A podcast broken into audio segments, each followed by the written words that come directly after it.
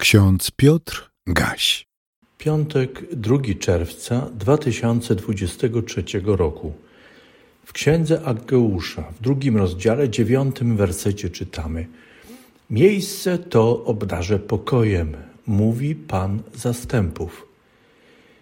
W liście do Kolosan, w trzecim rozdziale, piętnastym wersecie czytamy: W sercach waszych niech rządzi pokój Chrystusowy do którego też powołani jesteście w jednym ciele, a bądźcie wdzięczni. W jednej z pieśni współczesnych czytamy: I będę wzywać imię Twe, i ponad fale patrzeć chcę, gdy burzą się. Dla duszy pokój w Tobie jest, gdzie pójdziesz Ty, ja pójdę też. Prorok Ageusz działał w 520 roku przed narodzeniem Chrystusa. Swoje mowy skierował przede wszystkim do Zorobabela, namiestnika Judy oraz do arcykapłana Jozłego. Przemawiając w imieniu Pana, wzywał do zadbania o świątynię. Naturalnie prorok nie nawoływał do formalnego odnowienia religijnego ani do fasadowej pobożności. Natomiast prorok napominał lud, że nadmiernie skupia swoją uwagę na codziennych, egzystencjalnych sprawach, pomnażając swój dobrobyt i dbając wyłącznie o to. Jednocześnie lud zaniedbuje obecność w świątyni, nie modli się, nie okazuje Bogu należnej wdzięczności za obfitość błogosławieństw dla pracy, i codziennego trudu. Duchowe zaniedbania, religijne podupadanie ludu przekłada się na zaniedbywanie świątyni i jej upadek. Prorok wzywał więc do odnowy duchowej, a jej zewnętrzną, zewnętrznym przejawem miało być zadbanie o świątynię. Prorok w imieniu Pana Zastępów przekazał też obietnicę, że to miejsce, świątynię, Pan obdarzy pokojem. Tym samym Pan zastępów chciał podkreślić i powiedzieć, że obdaruje pokojem każdego obecnego w świątyni. To była wielka i jakże ważna obietnica. Pamiętajmy, że pokój, hebrajskie szalom, to coś więcej niż spokój, emocjonalna równowaga, brak konfliktu czy wojny, Pokój oznacza błogosławieństwo Boga dla człowieka i jego działania. Tym samym Bóg przez takie błogosławione działanie człowieka pomnaża obfitość pokoju dla samego człowieka i całego stworzenia. W poselstwie Aggeusza dostrzegamy też zapowiedź odnowy i oczyszczenia świątyni przez Jezusa Chrystusa, a w dalszej perspektywie także dzięki innym tekstom Starego i Nowego Testamentu, nowe rozumienie, czym jest świątynia. Jedyną prawdziwą świątynią są niebiosa.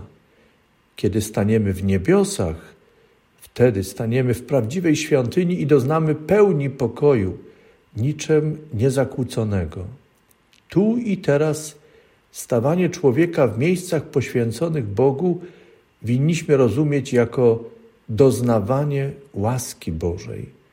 Możemy być w domu Bożym i cieszyć się Bożą gościnnością poprzez przyjmowanie darów Jego słowa i darów Jego stołu.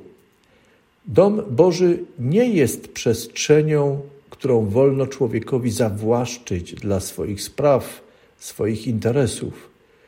To miejsce oddane Bogu, a człowiek zawsze winien stawać na nim z najgłębszą czcią dla Pana zastępów. Tę cześć człowiek wyraża poprzez modlitwę, słuchanie i wypełnianie Bożych wskazań, a dbałość o miejsce wyłączone z naszego użytkowania i oddane Panu na własność należy do praktyki okazywania Bogu najgłębszej wdzięczności. Pamiętamy o modlitwie króla Salomona wypowiedzianej w dniu poświęcenia świątyni. W niej Salomon przypominał sobie i całemu ludowi, że do Boga należy cały świat. Pan nie potrzebuje więc dla siebie miejsc zbudowanych naszą ludzką ręką. Ale grzeszny człowiek, chcąc zagarnąć dla siebie cały świat, uczy się na miejscu poświęconym Panu pokory, cichości i okazywania Bogu należnej mu czci.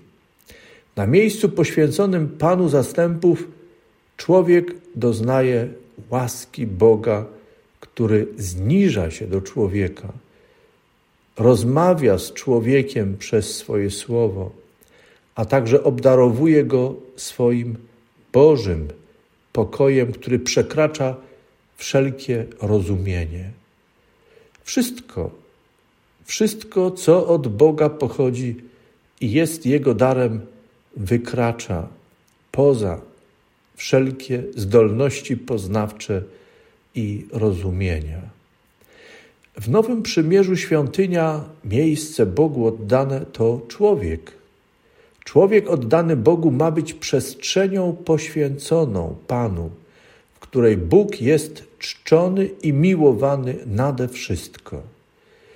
Kiedy pozostajemy Bożą świątynią i Bóg mieszka w nas przez Ducha Świętego, doznajemy obfitości łask i błogosławieństw Bożych, niezależnie od tego, co dzieje się wokół nas.